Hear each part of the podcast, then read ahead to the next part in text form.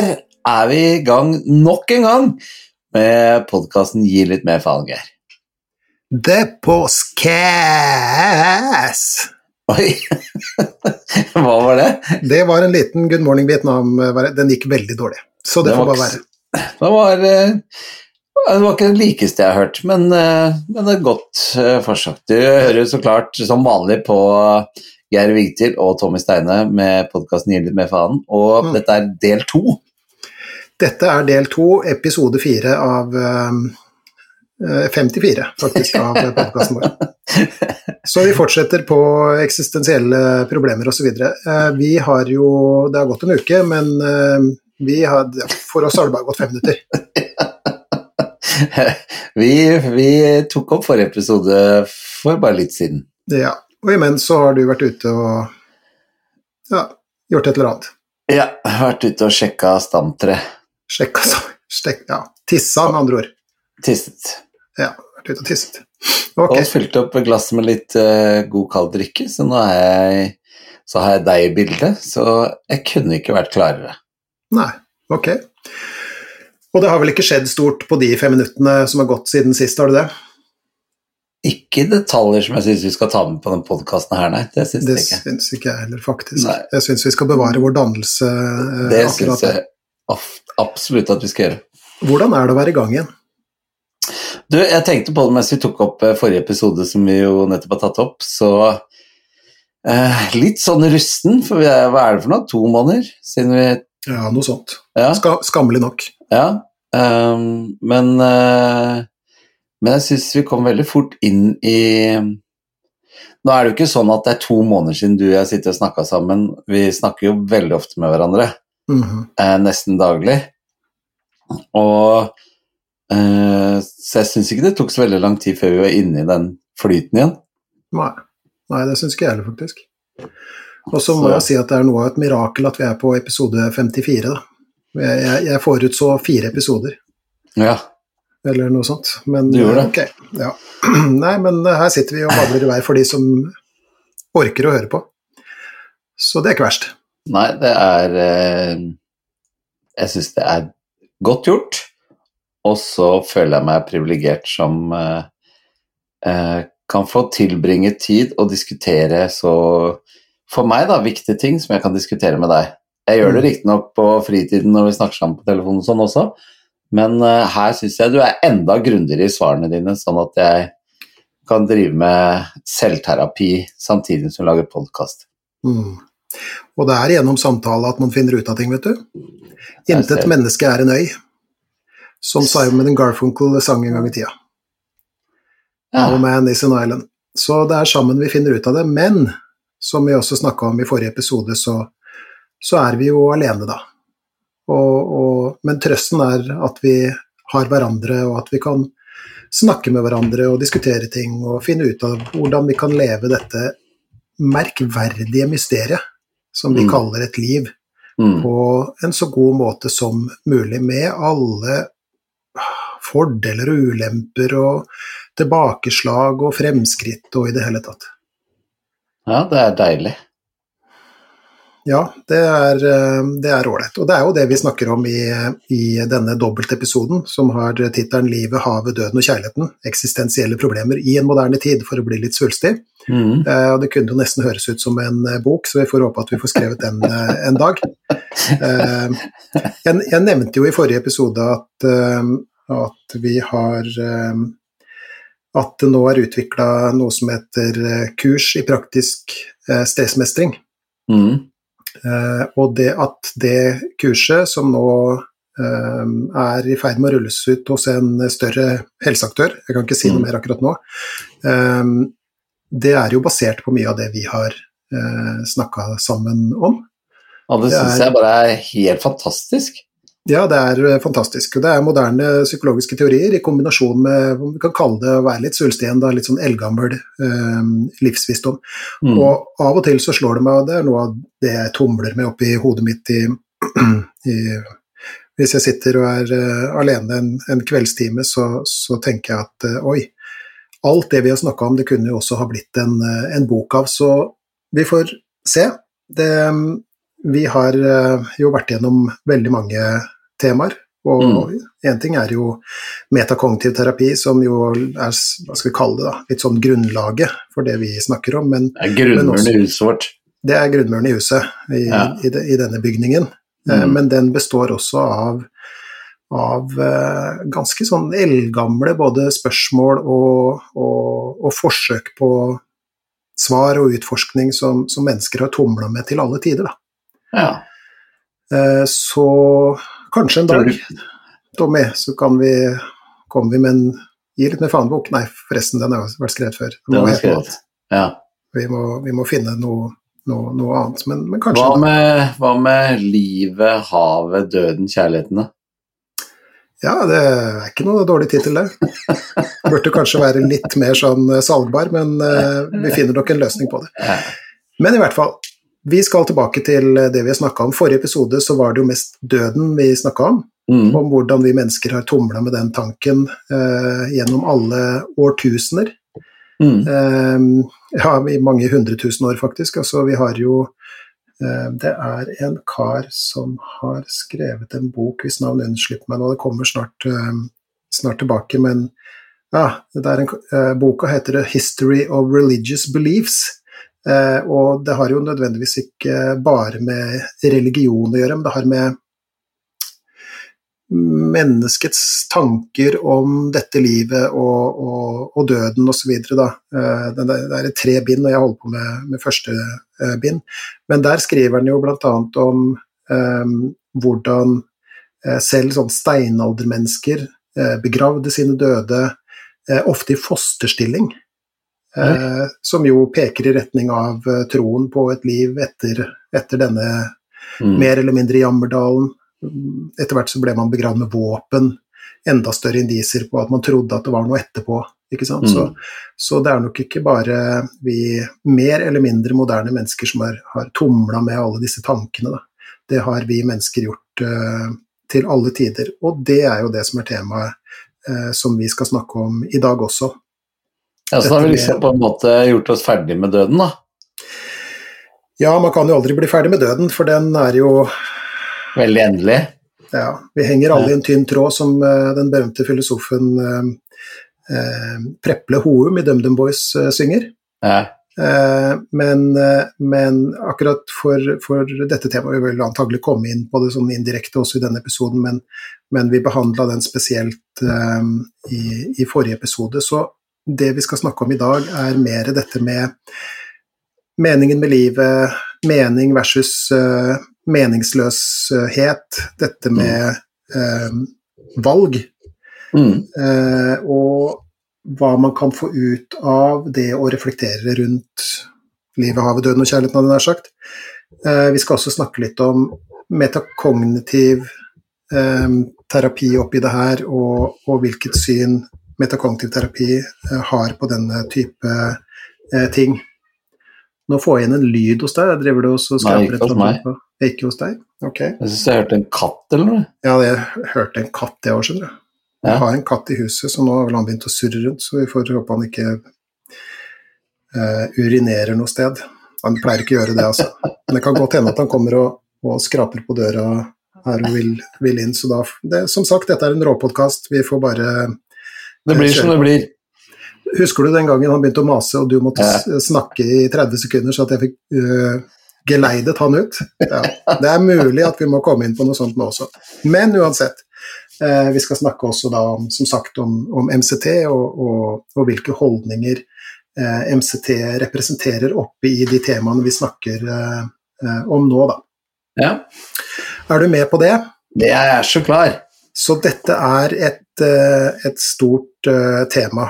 Uh, dette Veldig. med eksistensielle tanker. Altså hva vil det si å være menneske, hva vil det si å leve et liv, hvordan lever jeg det på en så god måte som mulig for meg og andre? Mm. Hvordan kan jeg bidra til at, å, å, å snu denne dette livet og denne tilværelsen i retning av noe som forhåpentligvis er godt både for meg og de rundt meg, og kanskje til og med for samfunnet. Um, som sådan, da. Jeg tenker jo at Vil du at jeg skal svare på alle de spørsmålene, eller? Nei, jeg sier at vi skal besvare dem nå så godt vi kan, og, og ikke som noen eksperter eller noe som helst, men som to menn som har levd et liv, og som er sånn cirka i midten av livet, kanskje til og med litt uh, over midten. Og, og Ja, det er ikke mye. Hva, Nei, hører det. Er det angsten for døden som uh, lå i den? Nei, nei. Det er uh, iveren etter å leve. Mm, mm. Du, Tommy, Ja, du, okay. du, har, ja, du har jo um, uh, fortalt tidligere, du har delt tidligere i denne podkasten om din um, helseangst. mm. Og når det gjelder helseangst, så har vi to vi kan dele det, så Grovt sett så kan vi dele det inn i to hovedkategorier. Mm. Den ene eh, varianten handler om eh, en redsel for å bli eh, hensatt i hjelpeløs tilstand. Mm. Og da er det ofte eh, skrekken for, kall det sånn, invalidiserende og øh, ofte sånn nevrologiske sykdommer som ALS og MS og sånt som vi er eh, spesielt redde for, som går, som, går hjem igjen som hovedtemaer. Den andre varianten handler om redselen for å dø. Mm. Og da er det kreft og det er hjerteinfarkt som er de to store hovedtemaene der, da. Mens, eh, mens andre ting, som å få et pengeskap i hodet når du aldeles uskyldig går forbi en, et bygg eller noe sånt, og det, det tenker vi ofte ikke eh, på. Det som ofte er, da er, er tilnærminga til, eh, til den type eh, tanker, og du har jo snakka om din eh, helseangst. altså hvor, hvor lå du i det terrenget? Altså, var du, hvilken av de hovedkategoriene var det du tilhørte, eller kanskje til og med tilhører på litt dårlige dager? Du, jeg er såpass raus at jeg vil si at jeg forsynte meg grovt av begge bolkene. Ja, begge to. Ok. Ja, Mhm. for jeg har ikke lyst til å um, Eller ikke lyst til det. Uh, jeg har svært lite lyst til å eh, å bli alvorlig syk og dø. Eh, jeg regner med at jeg kommer til å bli det, men ikke før jeg er blitt 90. Og jeg har heller ikke lyst til å, som jeg regner med 100 alle andre, ikke lyst til å få noen sykdom som gjør at eh, eh, jeg blir bare en eh, en mørk liten fyr borti en rullestol som ikke kan utrette noe som helst. Mm. Mm. Så jeg har ikke lyst til å bli sjuk i hele tatt. Og så er jeg vel kanskje litt over normalen av og til engstelig for det. Mm. Jeg jumper veldig, eller jumper jeg hopper veldig fort til en sånn eh, Det verste scenarioet på hver minste lille signal jeg får i kroppen. Mm. Frem, Og- fremdeles. Ja, men kanskje i mindre grad nå enn før. Mm. Det vil jeg tørre påstå. Mm. Men uh, du har vel fått en telefon eller to om ALS i løpet av sommeren, så Så Ja, skal... Men ikke så mange som før. Nei, og det er det jeg sier. Ja. Og da må jeg være kjempefornøyd. Mhm. Så jeg har ikke noe drøm eller håp om at jeg aldri noensinne skal være engstelig eller bekymra for de tingene i det hele tatt. Men hvis jeg kan være det såpass sjeldent at det ikke plager livet mitt bemerkelsesverdig over lengre tid, så er jeg fornøyd. Mm. Ja, det er jo veldig få som har Oi, der, ja. Den klarte jeg ikke å stoppe, Geir. Sorry. Ja, ja nei, prositt. Jeg skal prøve å trykke på den knappen hvis den kommer en gang til. Ja, det går bra. Det går bra. Dette er en råpodkast, som sagt. Jeg håper ikke noen sykla av veien eh, når de fikk den der rett i øret, men eh, greit nok. Var den høy? For jeg snudde meg jo vekk og inn i armhule og, korona og hele pakka. Jeg blør fra venstre øre. Så Ja, det, er, det, bør, det bør være svar på det. Men ok, la oss, eh, la oss hoppe over det. Jeg eh, jeg eh, sa prositt, som er en gammel besvergelse for å holde onde ånder borte fra deg. fordi at akkurat når du nyser, så åpner du deg for onde ånder. Tenkte de gamle. Ja. Mm, så det er et ønske om god helse osv. En slags sånn motforbannelse der, altså. Tusen Eller en slags velsignelse, som det kan kalles. da.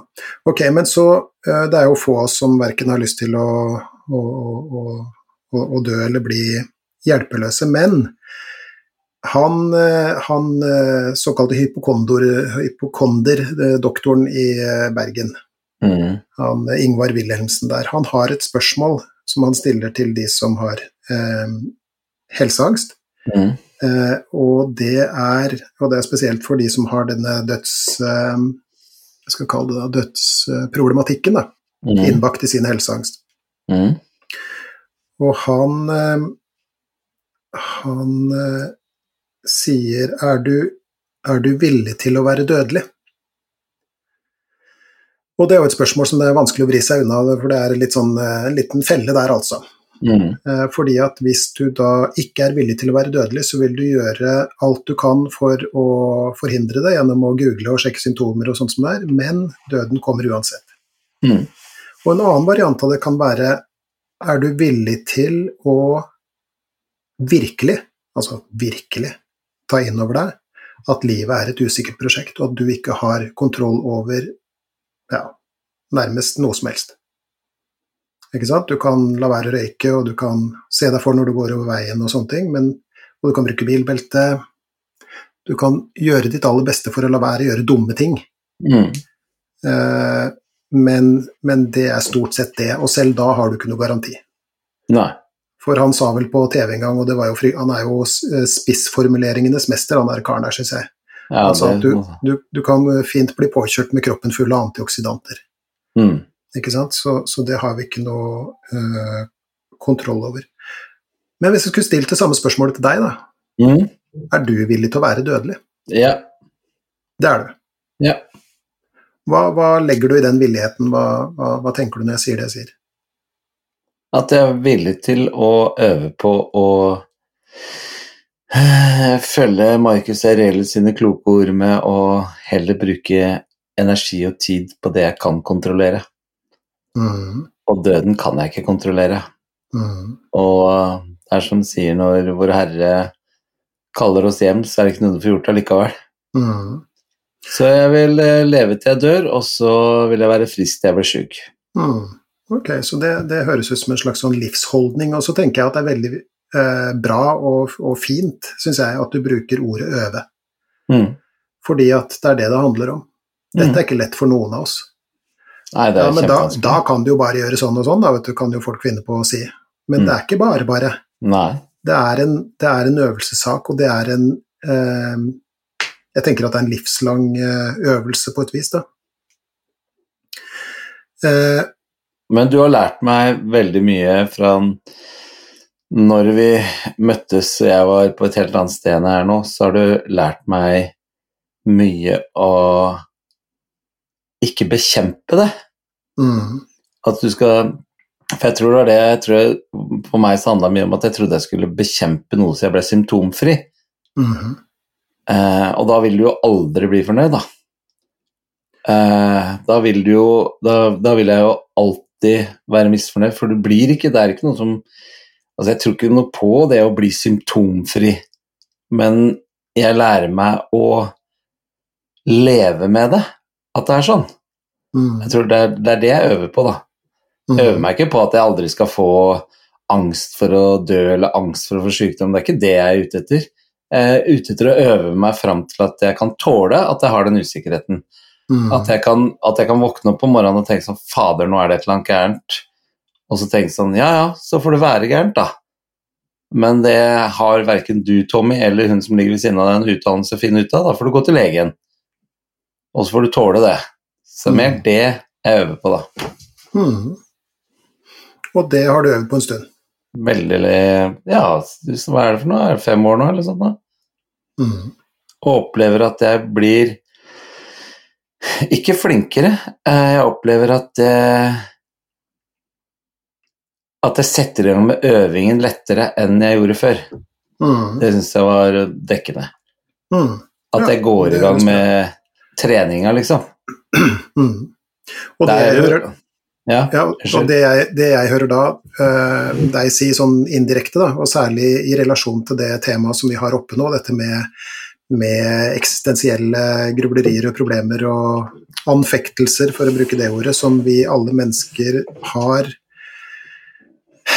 fra tid til annen, noen i større grad enn andre. Jeg fortalte i forrige episode hvordan tanken på døden er veldig sånn tilstedeværende, tilstedeværende i, i, i mitt liv. Jeg Mm. tenker at eh, mange de aller fleste mennesker kommer i kontakt med den type tanker i løpet av et liv.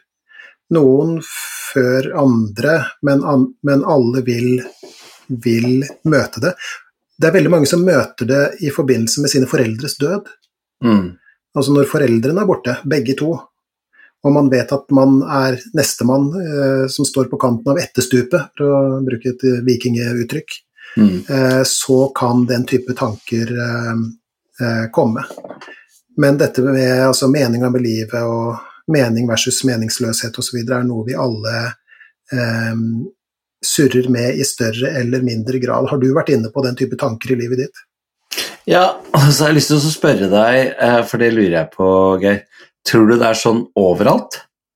Tror du det er sånn For jeg, jeg, Det er bare noe som, som slår meg at vi her i Vesten, og spesielt vi i Norge, er jo ekstremt privilegerte.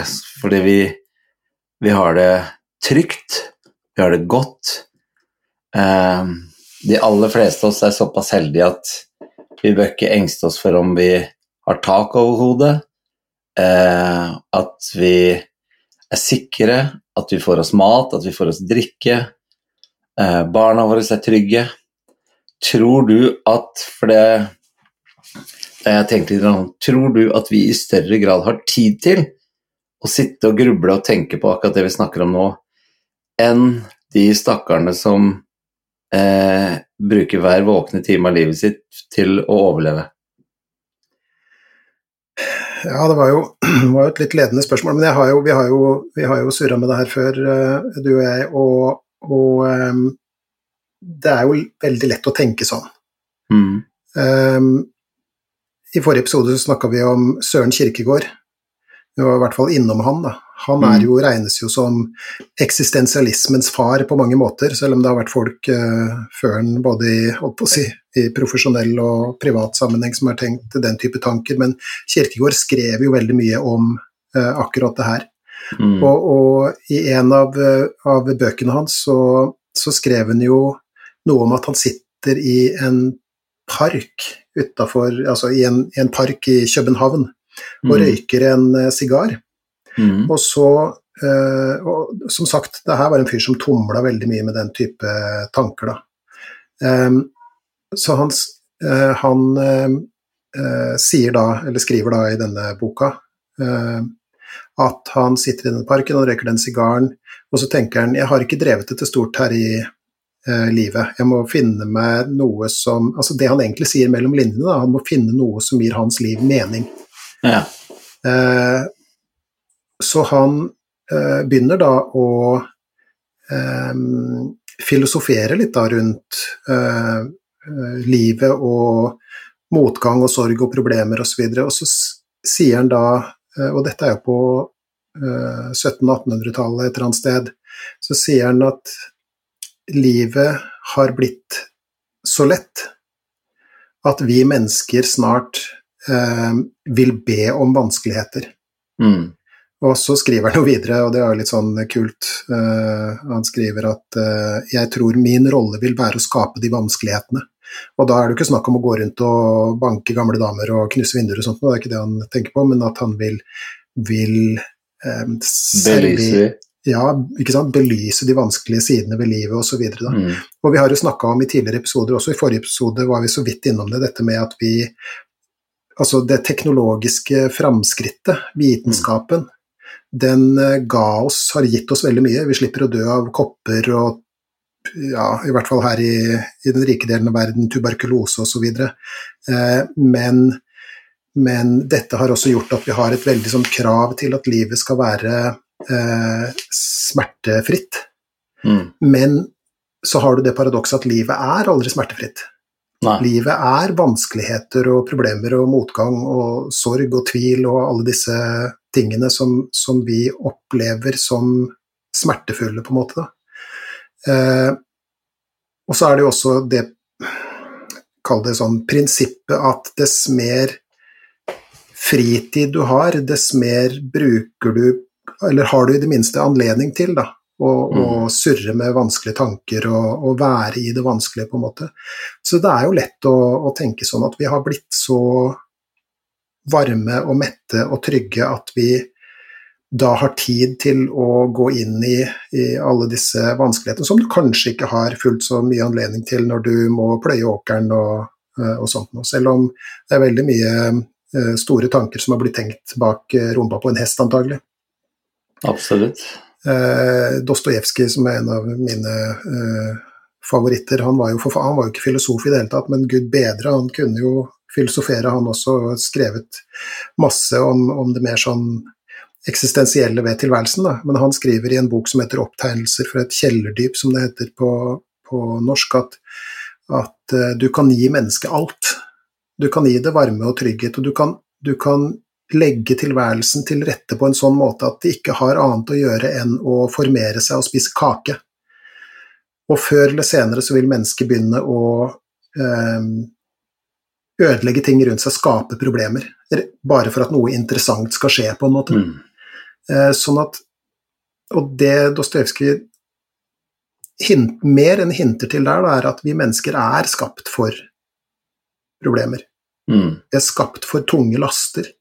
Mm. Og en av våre favoritter, eh, som jeg jo vet vi, vi deler, eh, Jordan Peterson, denne psykologiprofessoren fra, fra Canada, han, eh, han, sier også noe om det at, at vi hvis du ikke har noe mening i livet, så må du skape det. Og det ser ut til, hvis du ser til alt av litteratur og religion osv., så, videre, så så ser det ut til at det beste for oss mennesker, vårt vesen, da, er å finne et eller annet tungt og bære det. Og da mener han jo i overført eh, betydning. Mm. Det er jo det også som antagelig historien om Jesus på vei opp Golgata handler om. Hvor han mm. bærer korset sitt på samme måte som vi alle bærer én eller flere eh, kors. Og det er jo et eh, Det er jo et eh, Hva skal vi si godt poeng. Det er lett å tenke at det er et godt poeng, i hvert fall. Har du tenkt den tanken, da? Ja, jeg har absolutt uh, tenkt den uh, tanken. Hva er din rolle i dette her? Hva, hva, tenker du på da? Nei, Sånn som Søren Kirkegård gjorde. Hva skal være min oppgave i dette? Og te tenker du da på, på, mitt liv og min, ja. min mening og sånt? Din, Nei. ja. Ja, uh, ja jeg, jeg, eh, jeg, har jo tumla mye med de tankene da jeg var Særlig da jeg var, uh, var yngre. Nå har jeg mm. nok falt mer til ro i den tanken om at og litt som vi snakka om i forrige episode, og som vi har snakka om i tidligere episoder, også dette med å ha et slags sånn livsprinsipp. Da. Det gir i hvert fall eh, mitt liv mening. Mm. Å ha dette prinsippet om at, at, jeg skal gjøre mitt beste for at For å gjøre at denne verden er bitte, bitte, bitte lite grann bedre når jeg en dag forsvinner. Um, dette med å kunne bidra i et annet menneskes liv. Det å kunne, altså, og da snakker jeg ikke som uh, terapeut, jeg snakker Nei. om som, som medmenneske. Da. Å være, være der være noe for noen. Mm. Uh, det er viktig for meg, i hvert fall. Um, og det er jo et, Så kan man jo tenke selvfølgelig at det er et slags sånn forsvar mot meningsløsheten osv. Ok, så Jeg må bli litt sånn teoretisk igjen, da. Ja, det på, på 1700-tallet 1700 så var det en fyr som het Blaise Pascal. Mm. Og han var i utgangspunktet noen slags sånn uh, vitenskapsmann. Eh, men hadde også en del sånne eh, tanker. Og man kan nesten si at eh, på bakgrunn av de tankene så kan han defineres som eksistensialismens far. Da. Men som sagt, dette er tanker som alle har hatt gjennom alle tider. Men, men han introduserte et begrep som Det er ikke noe godt norsk begrep på det, så jeg får si det på engelsk, men han kalte det 'throwness'. Kastethet, om vi kan kalle det det. Altså mm. denne opplevelsen som vi mennesker har, at Eh, over tilfeldigheten ved å være født. Eh, tilfeldigheten ved å være født nå og ikke senere, f.eks. Tilfeldigheten ved å være født her og ikke der, eh, og som akkurat deg. Altså det, det, det virker så tilfeldig, da. Og, og, det kan jo gi opphav til en sånn uh, denne throwness uh, opplevelsen eller følelsen, om vi skal kalle det, eller tankene for den del, kan jo gi opphav til en del sånn ja, dette er helt tilfeldig. Um, hva er da poenget, på en måte? Og, og uh, uh, Nietzsche, som vi også har snakka litt om, han, han, snakker jo litt om det samme. Han, det var jo han som forutsa Guds død. Mm. Ikke sant? Altså fordi at religion, Man kan mene og si hva man vil om, om religion, og det er helt i orden. ikke sant? Den, eller det, det, mest redelige å si er at det er både fordeler og ulemper med religion. Mm. Ok, Men han så, eller han forutså, at, at det, det, moderne mennesket ville ta livet av Gud. da. Eh, at vi ville fjerne oss mer og mer fra Guds tro. Han var jo litt sånn halvateist, så han var på én side så var han litt sånn øh, øh, fornøyd med det. Han har bl.a. skrevet en bok som, som radbrakk øh, kristendommen. Mm. Men på den annen side, også litt senere i livet, så, så snakka jo han om, om, Guds død og, og, dette berømte sitatet med at uh, Gud er død. Det er vi som har drept ham, og det finnes ikke nok vann igjen i verden til å vaske bort blodet etter, etter det vi har gjort. Og han forutså det som er ett av flere forsvar mot meningsløshet, det som vi kaller nihilisme. Det at ingenting betyr noe. Ingenting har egentlig noe verdi, alt er relativt osv. Er, det er, er kanskje, det som er nihilisme? Ja, eh, enkelt sagt, da. Og, og, og det, det, er jo lett å tenke litt med et fryktelig langt svar på ditt spørsmål, at, at, det kan være der vi er, eller det er der vi er. Um, men det var noen fordeler med å ha en religion også, fordi at den samla oss om noen viktige prinsipper. Hva er riktig, hva er galt, hva er meningen med livet? Håpet om, ikke sant. Noen kan jo si troen, men, men håp er ganske nært beslekta med tro, da. Så håpet om at det også kom noe etterpå. Ikke sant? Mm. Og så kan vi såkalt moderne mennesker føyse av det å ha-ha, hvem er det som tror på sånt tøv og sånt noe. Men på den annen side, det å ha en trøst oppi det som oppleves meningsløshet, det skal man ikke fnyse av. Nei. Du har ikke rett til å fnyse av det, liksom. Eh, og han eh, forutså jo også at eh, det var noe som ville liksom fosse inn og erstatte det, det gapende hullet etter Gud, da. Eh, nemlig ismene sosialismen og nazismen osv. Og, så og han forutsa, han skrev direkte, at dette vil koste millioner av menneskeliv. Og det gjorde det. Gjennom marxismens herjinger i Russland, som tok livet av langt flere enn det som etterpå eh, ble tatt livet av gjennom nazismens herjinger.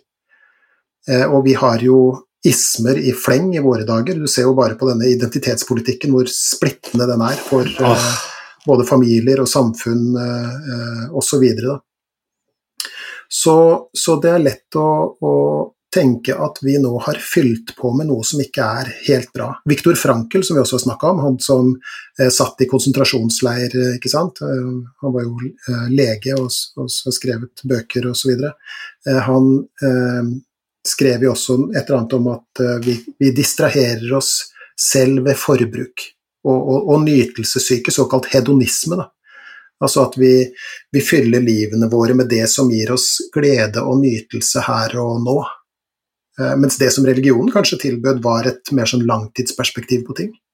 Og det får vi kanskje ikke så mye anledning til å, å reflektere over i, i, dagens samfunn, hvor alt går så fort og alt er så splitta, og, og vi, er, vi er Jeg vet ikke hva du tenker om det her, men men det er lett å tenke at vi er i drift på mange måter. Da. Mm. Og da er det jo også lett, og det, kanskje er det også grunnen til at vi har fått en del e-poster, som jeg sa i forrige episode, at vi har fått en del e-poster med forslag til temaer osv. Og, så videre, og dette med eksistensielle sånn grublerier og nesten litt sånn angstfølelse, det, det så ut til å være en slags sånn eh, eh, gjenganger. Eh, kanskje vi kan Kanskje vi kan kalle det vi opplever nå for et slags sånn frihetsstress, at vi har så mange muligheter og så mye eh, som kan adsprede oss osv., at vi ikke, kanskje ikke tar oss tida til å reflektere over det som kan fylle livet vårt med mening. Jeg husker ikke han sa det, han i en gjesten råd, han eh, hvis navn nå ikke er eh, han som var både filosofiprofessor og psykologiprofessor. Eh, eh, Madsen? Ja. Han sa jo også det at um, eh, vi kanskje ikke er klar over prisen over å ha total frihet. Mm. Og at alle valgene som man må til enhver tid ta, at det kanskje ikke nødvendigvis er bare positivt. Mm. Og der er vi inne på en av de sentrale eksistensielle eh, temaene som handler om valg. Mm. Fordi at det som kanskje religionen eh, tilbød oss, da, var jo et fast system som vi kunne forholde oss til eh, på en måte. Eh, mens nå er livsvalgene, og særlig vår del av samfunnet, da, livsvalgene er så mange, og så er de så gjensidig utelukkende. Ikke sant? Og Det er dette som gir det vi kan kalle litt sånn livsangst, for altså, og særlig hos, hos, folk som står eh, i begynnelsen av, av, livet, og i begynnelsen av et voksenliv. da. Dette med at liksom, tar jeg det riktige valget, eh, burde jeg ha gjort dette, gikk jeg glipp av noe, og, og, ikke minst hva vil skje der framme i, i, i fremtida et eller annet sted. For vi skaper livene våre og kan kalle det vår tilværelse da, på, og, og, og, virkeligheten vår eh, gjennom valg, og dermed så, så, får, så, er, det, så, er, det, så er ansvaret mitt. Mm. Ikke sant? Det er jeg som, som bærer det derre byrden av de valgene jeg har eh, tatt, og, og, det ansvaret kan bli, bli tungt å, å, bære for, for noen. Mm. Og, og, jeg tror jeg var litt treigt ute der, jeg. Ja, ok, hvordan da? Nei, jeg tror ikke jeg hadde de tankene der når jeg var i begynnelsen av 20-årene. Da var det bånn gass på ett mål langt der framme. Ja, for du kan jo tenke, ikke sant. Altså, og, og, igjen, vi har snakka om dette tidligere med at kanskje som de tidligere La oss si at våre besteforeldre, da. De hadde jo det hadde selvfølgelig ikke alle, men kanskje til altså, oldeforeldre og, og, før der også, hvor, hvor uh, hvor uh, det var litt sånn skomaker, du skal bli ved din lest, ikke sant. Og hvis faren din var skomaker, så ble du skomaker. Og, og hvis mora di var uh, jordmor, så ble du jordmor. Og det var ofte ikke formalisert skolegang, ikke sant, mens det var mer sånn learning by doing. Og, og det å være i læra og, og, i det hele tatt som, som gjaldt, så, så, hadde man jo ofte Eller man skulle overta en gård, da, for den saks skyld. Så hadde man jo en retning. Ja. Mens ungdommen vår som har altså Bare, bare bla deg gjennom en studiekatalog f.eks. og se hvor mange Ikke sant? Altså, det er jo helt ja. hårreisende. Ja, og hvem, hvem, vil du være, og hvilken identitet vil du ha? Du kan jo nesten velge kjønn eh, nå, ikke sant? Mm. Så, så, så, blir det her um, Men jeg tror det er for mye valg, jeg. Ja, det kan bli tungt å bære for noen, da. Mm. Fordi at det er noe med altså ja det, det, ja, det kan bli for mye, rett og slett.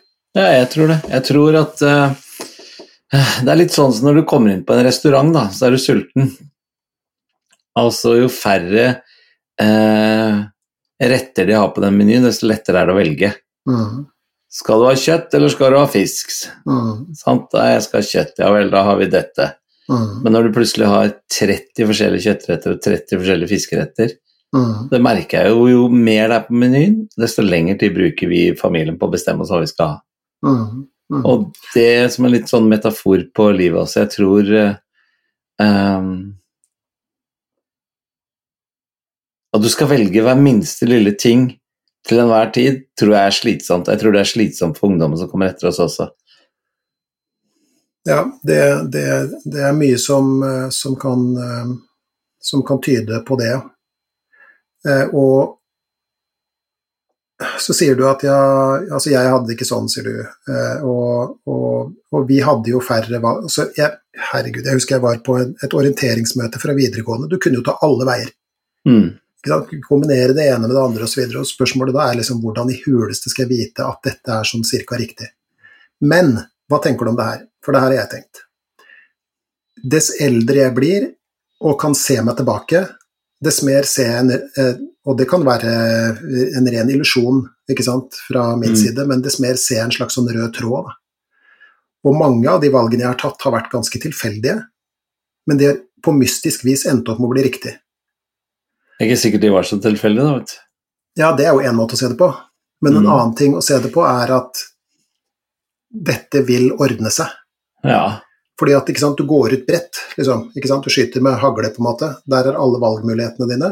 Men dess eldre du blir, dess mer spissa blir du, på en måte. Mm. Det er litt sånn det derre floskelaktige begrepet 'veien blir til mens du går'.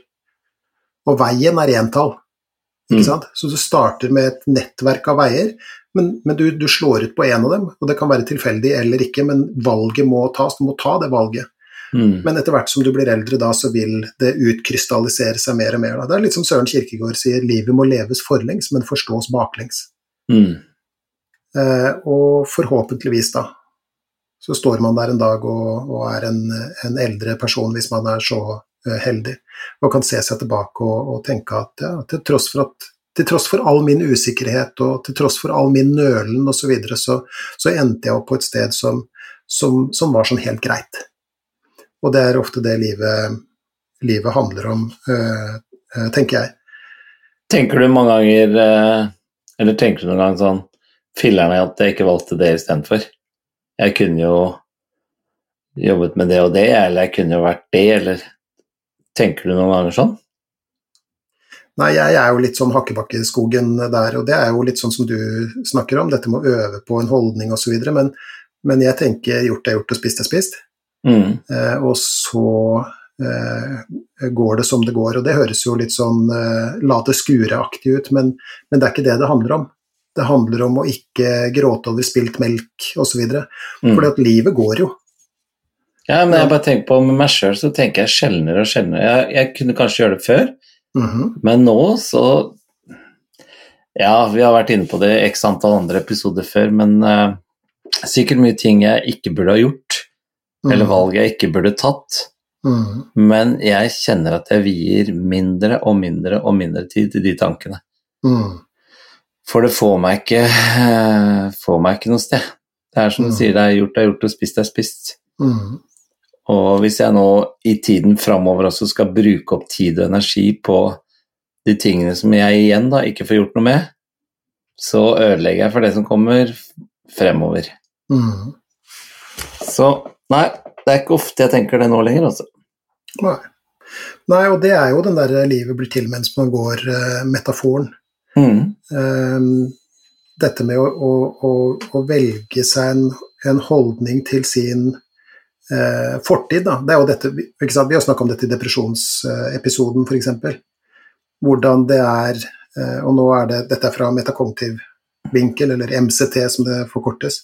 Mm. Eh, dette med at det er liten verdi i å se seg for mye tilbake. I hvert fall eh, å bruke veldig mye tid på å se seg tilbake. Fordi at den tida har gått, og det som har skjedd, har skjedd. Mm. Og, og det er vann under brua på et vis, og, og det får man ikke gjort noe med. Du kan aldri endre det som har skjedd, men du kan endre holdninga til, til det som har skjedd, ikke sant? Mm. Der er jo der For å sitere Frankel igjen, da, for han skrev jo i en av sine bøker at og han, også Denne karen satt jo i, i, i Auschwitz og ble fornedra, uh, sulta, var full av lus, uh, uh, frøys, ikke sant?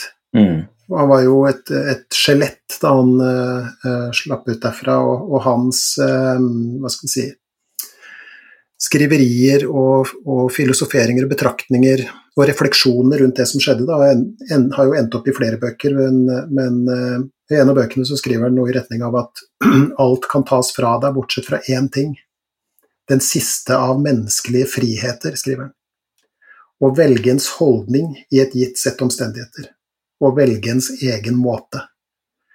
Det vil da si velge ens egen måte å se det som har skjedd på, og forstå det som har eh, skjedd. For det er vi som definerer vår virkelighet. Mm. Og vi må, eller det vil si vi må ikke, men vi har muligheten til å velge en holdning til det. Og da høres det ut som om du har valgt en holdning til at, vet du hva, ok, fortid er fortid, nå er jeg her, hva nå? Og det er den holdninga vi, vi har muligheten til å, eh, å, å innta. Og det er jo der kjøleskapmagneten vår kommer tilbake igjen også. Det er ikke hvordan du har det, men hvordan du tar det. ja, det er, det er jo det. Det er jo egentlig det han mener. Ja, ja, det er det han, Ja. det, er det han mener. Og, og i alle floskler så ligger det veldig dype sånn hypersannheter som gjør at du kan klistre det opp på kjøleskapet, men, og, og du kan le av det, ikke sant? men på den annen side, det har, har eh, dyp eh, Det har dyp mening. Mm. Og det, og det, er ikke bare sant, men det er, det, er, det er, destillert sannhet. Det er hypersant. Og bare for å vente tilbake til dette med valg osv., dette med at, du, altså, at alle til syvende og sist har ansvar for sitt eget liv og sine egne valg. Da. Mm. Og i det ansvaret så ligger det en frihet, og den friheten kan være ødeleggende.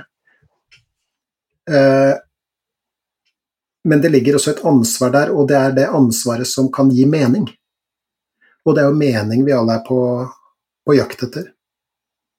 Der, der, der, slår det meg en tanke, det er mulig at uh, den ikke er korrekt, men jeg, i hvert fall for meg selv så opplever jeg at når du kommer til det skrittet hvor du tar ansvar selv for de valgene, mm. at du ikke skylder på alt og alle for at de tingene inntreffer, men at du tar ansvaret. Altså, jeg har jo eh, I en periode så var det sånn fy faen, ting er urettferdig, og faen, hvorfor skjer det meg, og hvorfor skjer det, og eh, hvorfor liker ikke han meg, og, og, og skyldte på, på, andre ting utenfor meg selv, da. Mm. Men så opplevde jeg at eh, Og jeg må stadig minne meg på det selv eh, nå også. At når jeg tar ansvar for det Jo, det Jeg kan ikke forandre et annet menneske, men jeg kan forandre hvordan jeg responderer på det mennesket. Mm. Når jeg begynner å ta inn de tingene, at jeg tar ansvar for eh, Ja, du kan godt eh, Tommy skylde på uflaks i, i noen tilfeller, men de fleste er resultat av valg som du selv har tatt. Og så, for å sette et bilde på det, så eh, Faen at jeg havna i slåsskamp uh, i går. Faen for en dust han var. Uh, ja, Tommy, men du var også dust, og du hadde drukket altfor mye alkohol, som gjorde at du lettere kommer i bråk enn om du hadde vært edru. Mm. Så en del av den skylden for den slåsskampen nå har ikke jeg vært i slåsskamp, det var kanskje et dumt eksempel, men Jeg begynte nesten å bli litt bekymra. Ja. Nei, går, hardt, går hardt for seg på Hørum.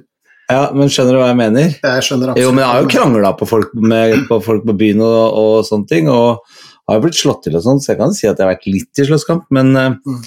men, i hvert fall hadde ikke jeg vært der og vært full og vært svær i kjeften, eller eh, hvis du skjønner hva jeg mener, da, mm. så hadde jeg kanskje ikke kommet opp i den situasjonen. Mm. Og når jeg begynner å ta liksom ansvar for den biten at ok, da tåler kanskje ikke jeg å drikke ti Tequila, da. Kanskje jeg skal kutte ned og bare drikke et glass vin istedenfor, eller uh, kanskje jeg ikke skal drikke alkohol i det hele tatt. Um, som jo nesten jeg praktiserer. Mm. Så er det jo merkelig hvor mye mindre sånne situasjoner man kommer opp i også. Mm. Mm. Det er sant. På psykologisk, det du snakker om nå, så, så kalles det for locus of control.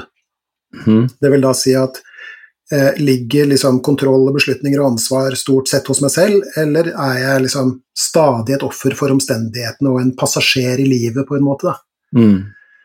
Eh, og det å Jeg kan jo høre det i eh, måten folk snakker på i terapirommet, f.eks. Mm. Eh, der er det, jo, det er jo forbløffende mange som når de snakker om seg selv og livet sitt, så bruker de ordet mann. Mm. Ja, man er jo bla, bla, bla, sier de. Og så sier, eller i verste fall så sier de 'du', som om det er jeg. Så jeg har ikke gjort noe. Ja, du blir jo veldig trist. Ble jeg det? Nei, øh, øh, nei øh, jeg. Ja, men da må du si det. Da må du si 'jeg'. Og ja. i det øyeblikket vi sier 'jeg', mm. så tar vi nettopp denne, dette ansvaret da, som du uh, snakker om. Uh, og, og, jeg tenker at det er en sånn veldig viktig greie. Og man har jo undersøkt Ok, så dette gjelder jo terapi for så vidt, men jeg tenker også at det gjelder, gjelder alle samtaler mellom mennesker på en måte. Mm. I hvert fall alle de gode samtalene hvor man kommer ut av en samtale og tenker mm. liksom At man tenker liksom eh, Dette har jeg fått noe ut av, da. Men mm. i dette tilfellet så gjelder det terapi. Og man har, eh, Det er flere som har gjort det her. Hvis noen skulle være spesielt interessert, Gillis and Jesser, York og Iceman altså De har gjort undersøkelser rundt kall det den eksistensielle effekten av terapi. Og det her er interessant. Det her må du høre på. Hør nå. Jeg hører. Ok, Så, så det er liksom fem punkter da, som man, mm. som man særlig har greid å kalle det identifisere. Eh, altså dette er da den eksistensielle effekten av terapi, men strengt tatt mm. av alle gode samtaler. da. Effekt nummer én En erkjennelse av at livet til tider er hardt, urimelig og urettferdig. Mm. Det å ta det inn over seg, virkelig. At livet er sånn. Ikke sant? Til tider. Så får man Mm. håpe at det er annerledes til andre tider, men, men dette er påregnelig ved, ved livet. Effekt to en erkjennelse av at man ikke har noe valg. Døden er en del av livet. Sånn er det for alle. Ingen kommer, eh, ingen kommer eh, utenifra. Og da er spørsmålet hvordan har du lyst til å leve mens du venter på å dø, på en måte da. Mm. Ikke at du skal gå rundt og vente på det, men å ha det som en bevissthet på et vis. Mm. Punkt nummer tre en erkjennelse av at uansett hvor nære forhold jeg har til andre, så er jeg til syvende og sist alene. Mm. Og der kommer jo dette med ansvar inn. Det å ta ansvar, og det å ta ansvar for å finne sin mening. Ikke sant? Ja, Og jeg sier ikke at man skal sitte og gruble på det over et rødvinsglass flere uker i strekk, men det å kunne reflektere over det, tenker jeg er, der Mhm. ligger det en verdi. Da. Punkt nummer fire. At det å se grunnleggende spørsmål rundt mitt liv, og for så vidt min død, i øynene, kan føre til at jeg kan lære å leve mer oppriktig og bruke mindre tid på småting som ikke betyr noe. Don't sweat the small stuff, som en eller annen skrev en bok om en gang i, i, i tida. Det vil da si, hva betyr det? Jo, det betyr å reflektere rundt hva skal jeg gidde å bruke tid og krefter på? Ikke bare i livet mitt, altså det som foregår rundt meg, men også det som foregår inni meg Mm. av tanker og følelser og kroppsfornemmelser på et vis. Og det siste punktet, altså det femte punktet, å erkjenne at uansett hvor mye hjelp, veiledning og støtte jeg får fra andre, er ansvaret for mitt liv til syvende og sist mitt eget. Og det siste ble vurdert som særlig viktig. Det, det her er er, Det her var en det var oppsummering, dette her. Ja, på en måte, men på den annen side så Men før du sier noe mer, de Ja. fem punktene her må vi legge ut, altså. Ok, ja, men det kan De vi syns jeg var dritbra. Ja, vi kan legge ut det som en, eh, en sånn eh, postskriptum på det som skal ut på sosiale medier osv. Sosiale medier. Ja, ja. Ok. Men, men vi har snakka om tidligere, og, og, og det beste sånn, eh, kall det litterære eksempelet er jo dette med Sankt Georg og dragen. Ja. Ikke sant? Han, hvor det kommer en drage til landsbyen, og, og han går ut og møter denne dragen. Og Poenget er at det er det lureste du kan gjøre, å møte dragen. fordi at hvis du velger å ikke møte dragen Det kan være alt fra en uåpna regning i en skuff, apropos prokrastinering, til Mm. det å ta tak i et problem i livet ditt. Da. Det som er problemet med å ikke møte drager, er at drager vokser seg større. Mm. Ikke sant? Og dette har man jo dette har man all verdens bevis for innenfor uh, både psykologi og fysiologi, altså kan kalle det nesten sånn psykofysiologisk. Da. Det er sunnere å møte faren enn å jages av den. Mm. Hvis du jages av en fare i livet ditt, altså i overført betydning, Ja. så har du langt større, stressreaksjoner enn hvis du til tross for redselen, på en måte, da, um, uh, møter denne faren og ser den i øynene. Uh, og akkurat det samme jobber vi med i, i uh, metakognitiv terapi også, ikke sant? Det å begynne å legge fra seg en del mestringsstrategier og, og, og møte um, møte det man står ovenfor. Mm. Det å ta tak i de problemene man har, ikke sant. Gjøre noe med det du kan gjøre noe med. Øve på å la resten ligge så godt man kan. Inkludert eh, hva skal vi kalle det da, U, eh, overdreven grubling og bekymring, som jo ikke Mm. fører noe sted, sted hen, ikke sant. Og dette handler om, igjen, det som vi har snakka om i begge disse episodene nå, da, holdninger og, og eh, livsvalg. Jeg tenkte jeg bare skulle avslutte med, med Du har jo lest om stoikerne, ikke sant? Det har jeg til de grader gjort. Og du husker en kanskje med et epiktet på norsk? Jepp. Epiktetus, jepp. 2000 år siden så skrev en en, en sånn verselinje eh, om det her. Og det handler om, skal kalle det den stoiske holdninga til livet, da.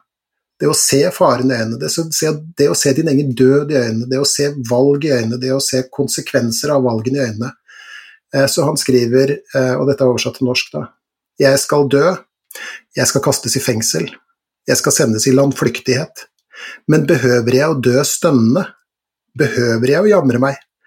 Kan noen hindre meg i å dra smilende i landflyktighet?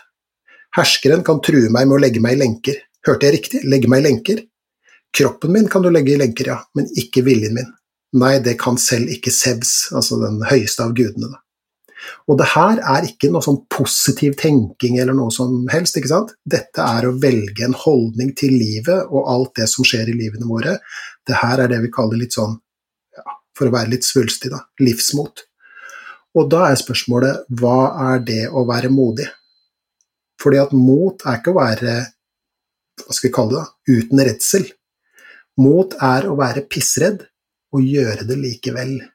Mm. Og det er en, en uh, holdning. Og, og, og, livsmot, om man kan kalle det det, det er livsholdninger. De kan øves opp, ikke smertefritt på noen som helst måte, men, men det lar seg gjøre.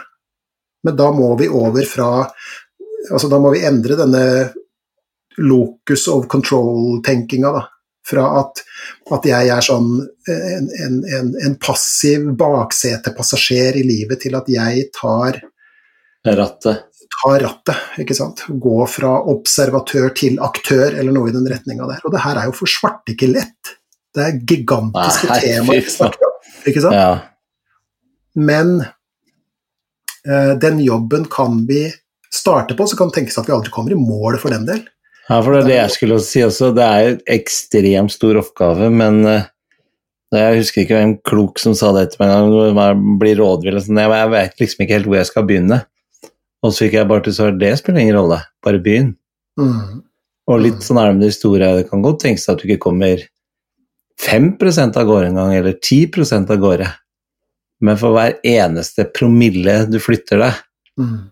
så har du gjort det. Det syns jeg var Tenker veldig jeg, klokt uh, sagt. Det var men Nei, men jeg sitter jo og hører på deg. Det er jo, uh, er jo det er jo bare å innse at et og annet menneske har levd før oss med noen tanker som er verdt å ta med seg videre, tenker jeg. Mm.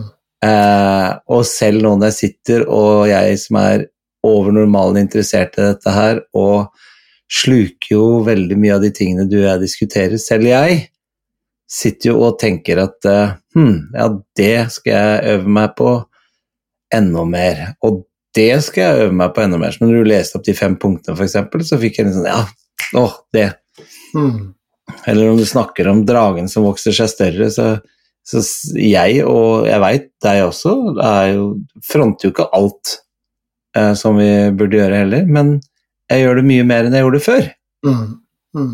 Det er et godt poeng. Ikke, ikke sant? Og det er eh, Og da og da er, Så jeg tenker sånn Ja, men da er du på riktig vei, da. Mm. Og som du sier, da, det er et og annet menneske som har levd før oss også. Og både mm. litteratur og, og, og, kunst og filmer og podkaster er fulle av ting man kan ha bruk for for å få til den ene promillen ikke sant, i løpet av den ene måneden, f.eks. Mm. Snakk med andre om de har vært oppe i samme problem, hvordan de forholder seg til det osv. Vi er Absolutt. alene, vi er alene, men vi er samtidig eh, sammen, og det det skal vi jaggu meg være glad for. Så vi må bruke hverandre på den måten. Og ta den samtalen. Om det ikke er ved et leirbål, så, så, så snakk med andre. Og let også i kulturhistorien din etter ting som kan gjøre det bare bitte lite grann enklere å, å, leve et liv som i utgangspunktet er vanskelig. Altså, det er vanskelig å være menneske. Men det er nå det valget vi har, da. Utrolig interessant å være menneske, da, selv om det er vanskelig. Ja, det skal sies. Og det er kanskje der prinsippet kommer å Eh, kommer opp, og som veldig mange har lagt merke til, som vi har snakka om både i denne episoden og, og, og mange episoder før også, at, at um, uh, det kan se ut som om vi også trenger eh, en del sånne vanskeligheter å bryne oss på, nettopp for å finne meninga. Så plukk opp den lasta og bær den. Om det så er en meter den ene dagen, vel, greit, men plukk den opp. Bær. Bær. Live the strangest life. Yes, live the strangest life. Nei, men du, for eh, en eh, i all beskjedenhet episode, altså. Ja. Jeg er litt sånn mindblood, jeg nå. Det er, eh, det er vel en av mine yndlingstemaer, tror jeg. Ja, det er ikke vanskelig å høre. Men på den annen side så, så, så, er det også så generalisert, for det handler nettopp, det handler nettopp om det å, å, være menneske og det å leve et liv osv. Så videre, så. Og det blir vi aldri Eller vi blir jo ferdig med det en dag, i hvert fall sånn individuelt sett, da, men som, som art så blir vi aldri ferdig med det. Men det er også, for å eh, vende litt tilbake til begynnelsen, og det er også kanskje ting som tyder på at vi lever i et vakuum, i et fragmentert vakuum med litt sånn ustabil grunn for tida. Og vi, vi prøver å fylle det vakuumet så godt vi kan. Eh, dessverre så ser det ut til at vi fyller det med ting som én ikke gir oss noe, som to i verste fall gjør at samfunnet vårt eh, eh slår sprekker. Så vi, må, vi, vi, skal vokte oss vel akkurat nå, tenker jeg. Sånn sett så lever vi i en litt, eh, litt farefull tid. Nå må, ikke, nå må ikke vi dra oss eh, i gang. nei, nei, altså, nei, men uh, Jeg syns vi ja. klarte å holde oss veldig fint på en uh, For uh, Takk, Dager, for noen fine uh, episoder disse to her har vært. Takk, det samme. Neste gang vi møtes, så skal vi snakke om tvang. Det er Det blir i hvert fall spennende. Ja, det syns jeg òg. Du kommer sikkert til Jeg tror ikke jeg har lider av noe sånn tvang, tror jeg, men jeg, jeg, jeg, har en følelse i magen på at jeg kommer sikkert til å oppdage at jeg har noen allikevel. Ja, du har jo hatt noen sånne ritualer i ditt liv, har du ikke det? Jo, det har vært mange av de, men som jeg sa til deg på telefonen også, jeg har blitt eh, Det er så lett å si jeg har blitt flinkere, eh, så derfor så må jeg bruke krefter på å ikke si det ordet.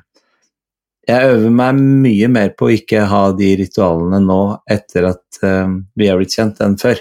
Mm, mm. Og de har mye mindre kontroll over meg, de ritualene nå, enn det de hadde før. Mm.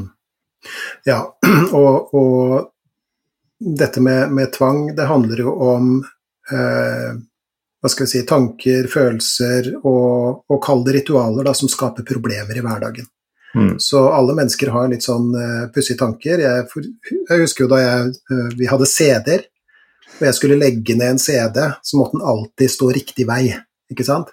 Skapte det problemer i min verden? Nei, det gjorde det ikke. Men det var en fiks idé jeg hadde.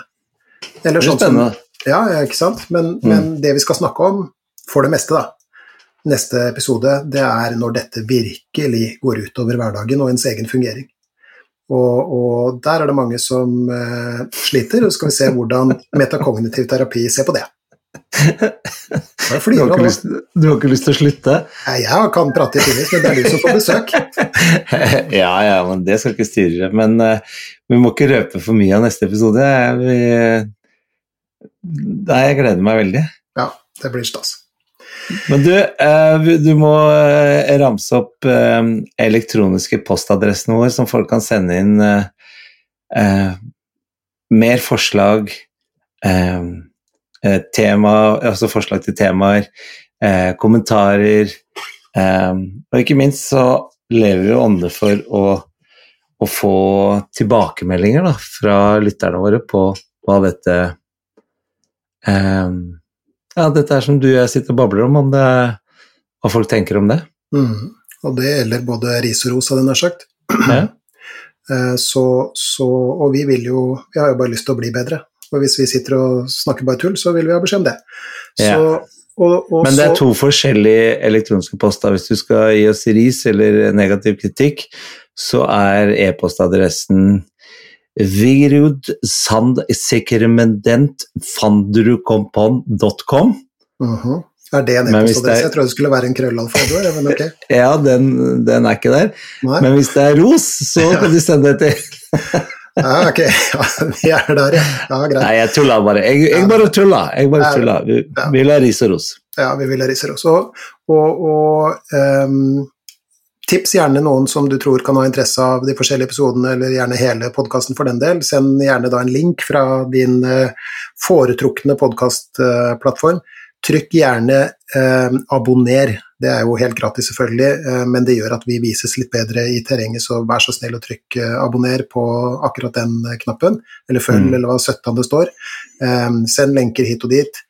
og hvis du da vil kontakte oss av en eller annen grunn, gjerne med tips om ting vi skal snakke om osv., så, videre, så kan du sende det til gi litt mer f at gmail.com.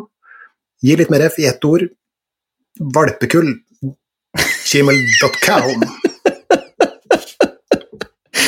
Valpekull? Jeg slipper snart opp for ja. Nei, det tror jeg ikke du gjør. Nei, da.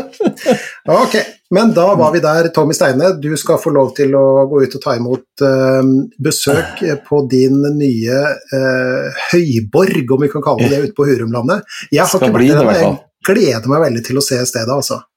Innen neste podkast, episode, så syns jeg du må ha vært der. Du tenker det? Ja. Vi skal se hva vi får til. Du har jo noen uh, planer litt sånn fram i tid også, har du ikke det? Om litt sånn utvidelse av uh, stedet. Kanskje du Ja, skal du si hva du tumler med tanken på? Nei, det er drømmen er altså å få laget et skikkelig lydstudio. Mm. Så du og jeg kan sitte der sammen og bable ut i kveldstimene mens vi ser utover fjorden. Og da kanskje vi skal uh, gå på YouTube? Da må vi gjøre det. Ja, det hadde vært litt kult. Ja, vi får se. Vi får se. Uansett, du får prøve å leve livet så godt du kan, eh, Tommy Steine, til vi ses neste gang. Det prøver jeg på. I like måte. Ha det. Ha det.